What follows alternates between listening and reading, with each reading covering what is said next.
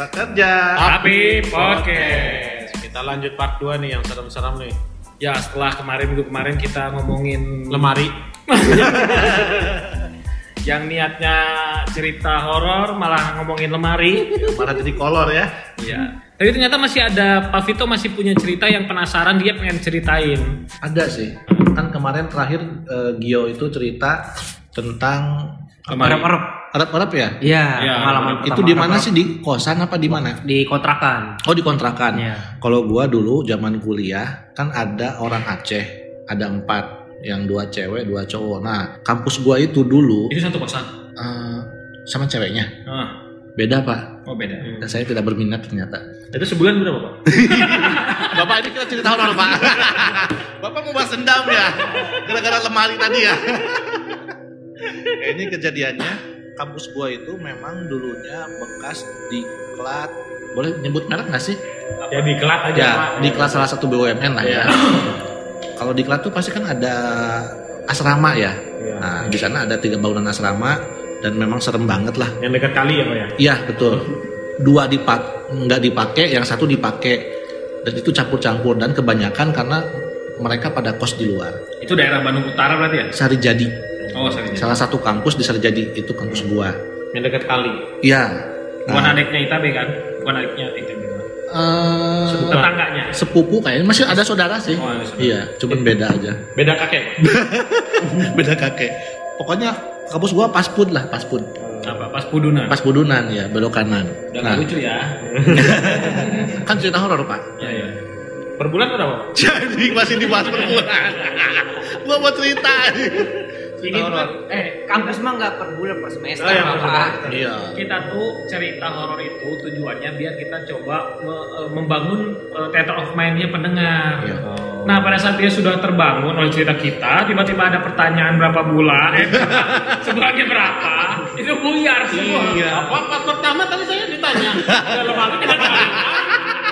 Sebelahnya kan aku tahu bisa pakai finance lagi, Adira. Enggak, gua keingetan ceritanya Gio tadi karena gua ini cerita langsung dari orangnya dan memang serem ya. Kampus gua dulu itu ternyata dia itu eh, kerajaannya makhluk halus lah ya, kerajaannya. Di kampus itu. Iya.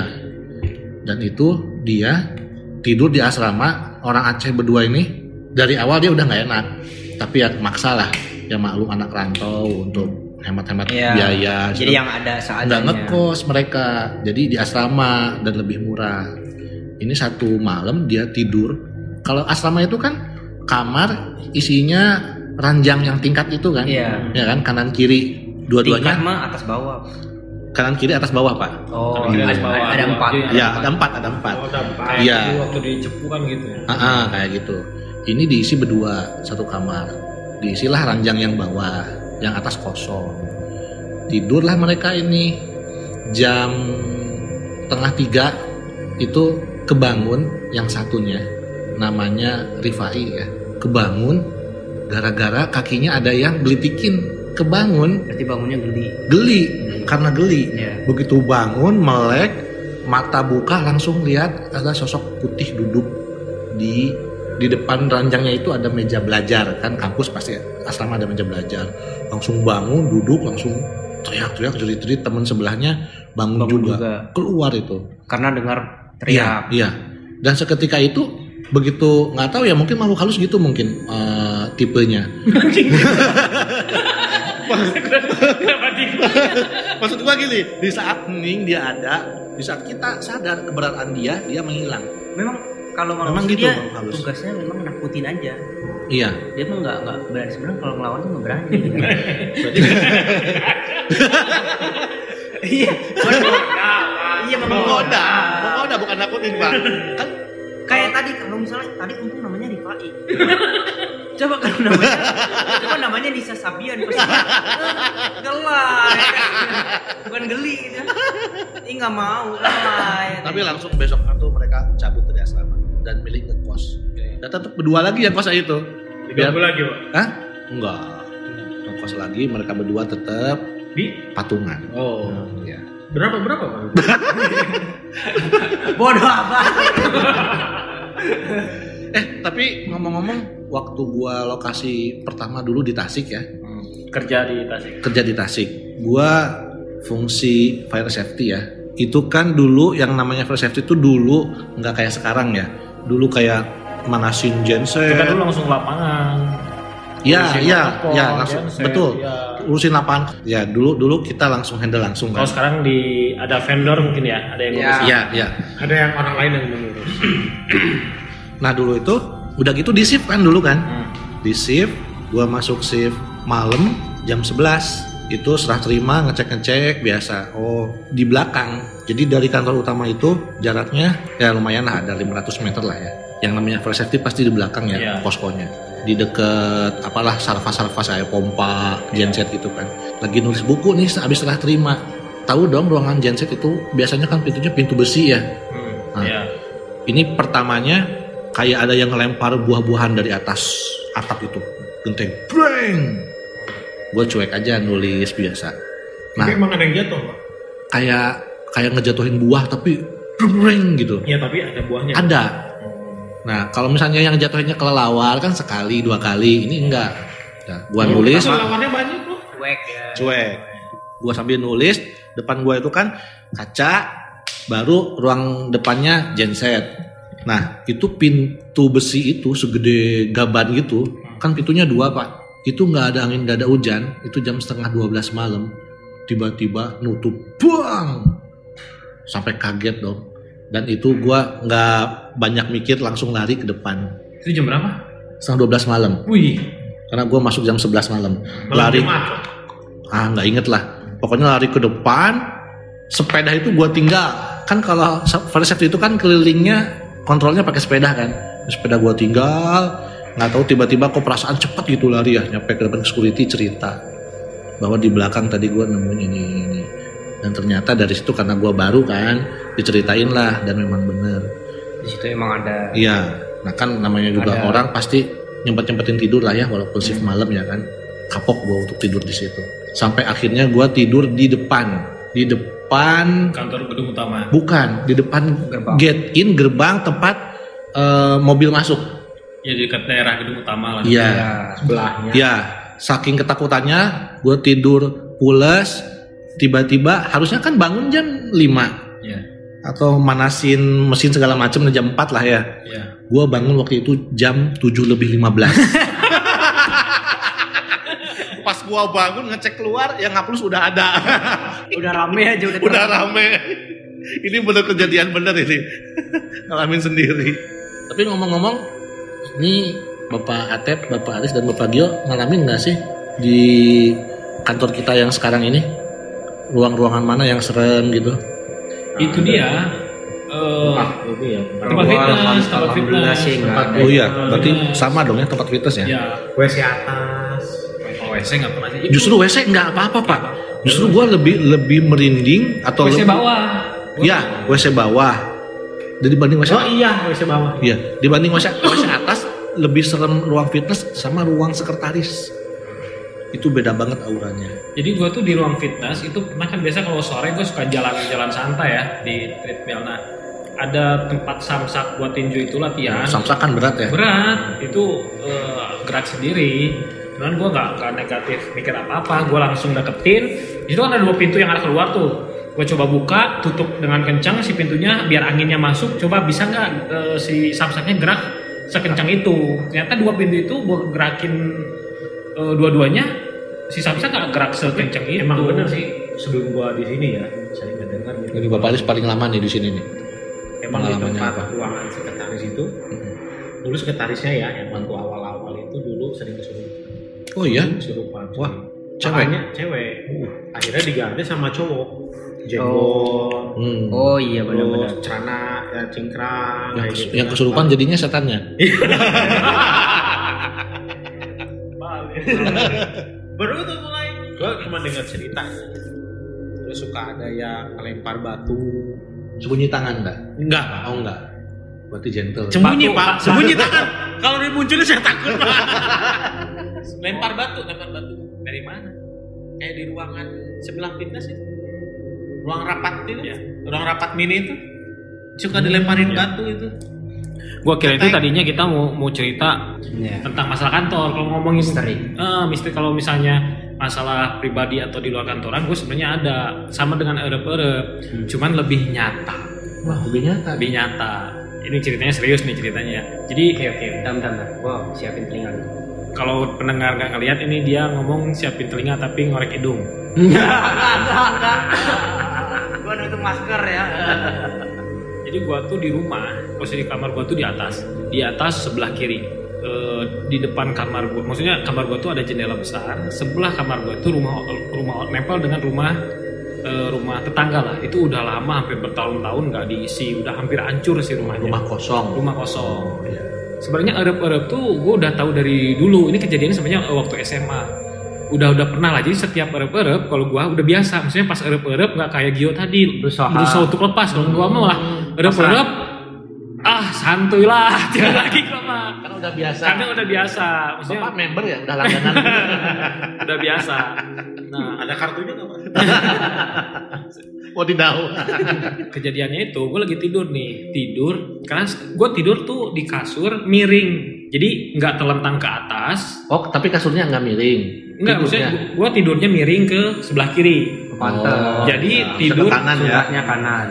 Nah, gue lupa sih gitu, nggak tahu gue meluk ban- eh, guling apa enggak ya. Cuman pas ke, pertama erep-erep, udah ngerasain nih, gue udah yang ah erep-erep lagi nih. Karena gue pernah baca erep-erep itu antara berhubungan sama mistis atau memang secara psikologis antara kita sadar dengan enggak, kita posisi ada di tengah-tengah. Iya. Iya. Apakah kita tidur nggak bisa karena sudah sadar, kita mau sadar juga badan kita belum siap untuk bangun. Iya. Masih otak masih miskin. Iya, jadi sebenarnya secara psikologisnya pun eh, psikologis atau apalah, gue Iya. pernah baca tuh, makanya pas erep-erep gue nggak ambil pusing. Iya. Udahlah tidur lagi aja daripada gue capek harus gerak. Nah, gue lagi tidur gitu, tiba-tiba beda nih, ada kayak kaki, kaki anak kecil ada di pinggang gue. Atau lu tau nggak kalau misalnya lagi posisi lu tidur miring ke kiri, Hmm. anak lu duduk di pinggang. Hmm. Nah, anak kecil ya maksudnya anak TK anak kecil. Iya, iya, iya. Jadi pantatnya kerasa di pinggang, Hmm. si kakinya kerasa di perut kita, atau di punggung kita. Nah, kayak Itu gitu. kelihatan jelas. Enggak, enggak ngeliat kok. Oh, ngeliat. Berasa berasa Eh, cuma karena berasa. sebelumnya gue udah ah udah amat lah mau tidur lagi gue udah Iya, mikir kayak iya. gitu jadi kakinya udah kerasa tuh nah pas kerasa kaki gue kaget di situ baru pertama kali kaget. Kaget gue coba nih. Oke ada sekarang gue mau bangun. Hmm. gue bangun ini. Ternyata si kepala tuh udah udah gue mau buka mata susah nih. Kepala gue gerakin ke kanan. Gerakin ke kanan udah mau gerak ke kanan tangan anak kecilnya megang pipi dibalikin. Wih. Seng. Anjing di situ astagfirullah ya Allah gue berdoa semua anjing baca semua gua ada setengah jam kali gua itu. Dibalikin pak. Nggak boleh ngeliat. iya, jadi gua mata belum buka gua belum mata belum buka cuman oh leher bisa gerak nih. So, gerak Papa waktu itu umur berapa, Pak? SMA gua SMA Oh, berarti sebenarnya udah balik ya? udah. Udah. hubungannya sama balik ah Ya itu katanya nggak boleh lihat, mungkin bukan murid bukan murim atau belum umur gitu kan? nah. Atau belum duduk bapak. Nah habis itu pas gue mau ngeliat dia dibalikin. Tangannya pun kerasa kecil. Jadi tangan anak kecil kerasa megang ke pipi. Gimana anak kecil yang bisa kita pegang? Dibalikin kepala gue suruh tidur lagi. Sengcet. Itu waktunya jam berapaan tuh? lama. Nggak nggak tahu gue ngeliat jam. Pokoknya dari Maghrib, posisi sore gitu. malam malam. Malam. malam. Gue pergi posisi tidur. Papanya mau kali. bangun. Jangan dulu papa belum selesai. Iya, gitu ya. anak Jangan kecil bangun dulu. gue mau bangun karena kejadian itu gue tidur lagi jadi nggak nggak nggak sempat kebangun setelah itu gue langsung tidur lagi jadi nggak sempat langsung bangun sadar itu enggak jadi langsung tidur Langsung lagi tidur. Bangunnya paginya. nah gue cerita tuh sama dua orang teman gue yang sering nginep di situ Ya, jadi tempat gue tuh ada kita tuh berempat sering nginep di satu posisi di misalnya di si A si B si C si D gitu pindah-pindah. Pindah-pindah. Gantian. Nah teman gue pernah bilang, gue pernah sekali tuh ada yang ngelempar lagi. Gue kan biasa main PS di kamar. Ada yang ngelempar ke jendela gue yang kamar gue kan depannya ada jendela gede. gede. Nah itu dia ngelempar ke situ. Yang satu dia pernah mimpi diajakin main sama anak kecil. Oh sama berarti anak kecil. Nggak tahu entahlah eh, apa Kemungkinan. bener enggaknya. Nah kebetulan di di sekolah gue tuh di sekolah di SMA ada anak yang indigo. Ada anak yang indigo. Sekarang dia Tanyain lah. tanya gue gue nyuruh nyuruh dia datang gue nggak cerita Itu tahun berapa sih? SMA SMA kelas 2 kalau nggak salah Tahun? Enam enam lima lah Soalnya SMA kelas 2 itu sekarang Indigo tuh udah nggak ada pak. apa tuh? Indihome sekarang.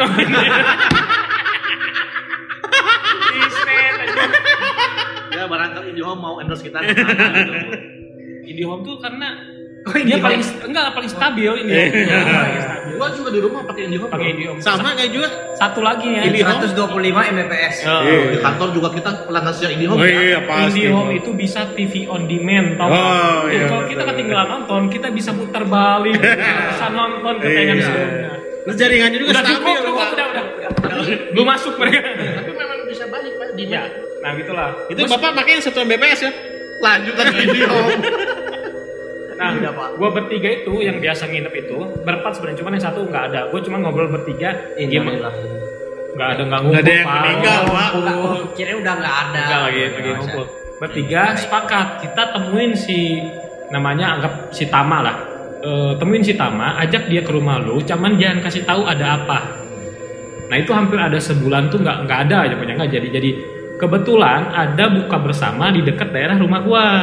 Ya. Nah, gue culik tuh dia sama kita bertiga. Culik ke sini sebentar. Nah, ke rumah. Jadi so, eh, sholat isya tuh di rumah gua dia. Sholat isya di rumah. Terus diem ngobrol. Ada nggak di sini? Kata dia kalau di bawah ada, tapi dari rumah sebelah, di rumah belakang. Oh, Ya Di kosong tadi yang Bukan, bukan, kalau rumah kosong sebelah. Kosong sebelah. Rumah sebelah. Jadi dia dia ngomongnya gini, di rumah lu tuh nggak ada. Cuman adanya dari di sekeliling lu katanya. Di bawah tuh ada, tapi dari belakang cewek. Dia suka masuk ke dalam rumah lu, maju eh, ke belakang gitu. Banyak makanan apa ya di rumah? Mungkin, mungkin. Dari makanan. Dari snack ya? Dari snack kobra. Nah, kalau di kamar lu ini ada, tapi bukan di tempat lu. Maksudnya bukan dari tempat lu. Dari Dia cuma sebelah. suka datang doang dari Oh. sebelah. Di situ udah anjing. Anak kecil. Enggak, dia ngejebutin. Nah, Oh. pertama dia ngomong gini, kayak gimana? Cewek cowok? Cowok. Kecil nggak? Ah, ada deh. Dia cuma gitu. Sampai pulang dia nggak bilang. Sampai pulang dia nggak bilang. Setelah keluar rumah, Hmm. udah jauh tuh kan balik lagi ke tempat si apa? Buka tempat- bersama. Enggak, Hah? tempat buka bersamanya. Baik. enggak, enggak. Di ke tempat nongkrong lah. Jadi nongkrong. sama di tempat A, nongkrongnya di beda tempat. Dia baru cerita. Gua takut diajakin main sama dia. Ngomongnya begitu. Oh. Makanya dia nggak ngomong nggak nyeritain si Berarti anaknya. anak kecil. Itu emang anak kecil. Salahnya di kamar bapak ada PS. Iya. Anak kecil seneng main PS PS, itu nggak salah, dia nggak diajakin. Nah, Coba kalau diajakin. Itu paling paling nyata sih. Maksudnya gue nggak ngelihat sama sekali. Cuman rasanya itu sampai sekarang gue masih inget. Rasanya. Rasanya masih Tapi inget. kalau sama bapak atau waktu itu diajakin ya terus jadi akrab gitu ya, mungkin bisa dimanfaatin pak. oh, Buat apa? Tuyul. buat ngumpulin pundi-pundi pak. Iya. Kalau gua sih waktu itu ada cerita gua dulu kan anak ini Nggak nanya, Indigo. nggak nanya pak biarin aja mau anak Saya- apa juga. saya kan dulu anak motor pak Oh bukan anak indigo. bukan pak Oh, bukan. IndiHome? bukan bukan Indomie. oh saya pakai IndiHome ah Indomie pak Indomie juga. Indomie selera aku, Indomie itu rasanya ya. Pak. ayam bawang Indomie enak itu mie instan paling enak di dunia. Iya betul pak nggak ada nomor duanya Pokoknya mau rasa apa pun Tapi yang bikin rasanya udah itu ya. Udah, Udah. udah. terus yang buat bumbu sekarang siapa Sekarang tuh yang Anaknya pak. anaknya, Cucunya. cucunya. Iya. Aduh. emang itu saudaranya yang punya Indofood Sepupu. oh sepupu. Gak penting aja. tapi terus terang nih pak Indomie enak pak Rasa ayam spesial. Enggak, ini cerita serem ya. Cerita dulu saya kan sering naik motor. Oh, anak motor. Tadi anak motor, sekarang naik motor. Makan Indomie. Internetnya speedy dulu. nah, naik motor tuh gue lupa ke mana gitu ya. Ke arah mana? Oh, pulang dari kampus.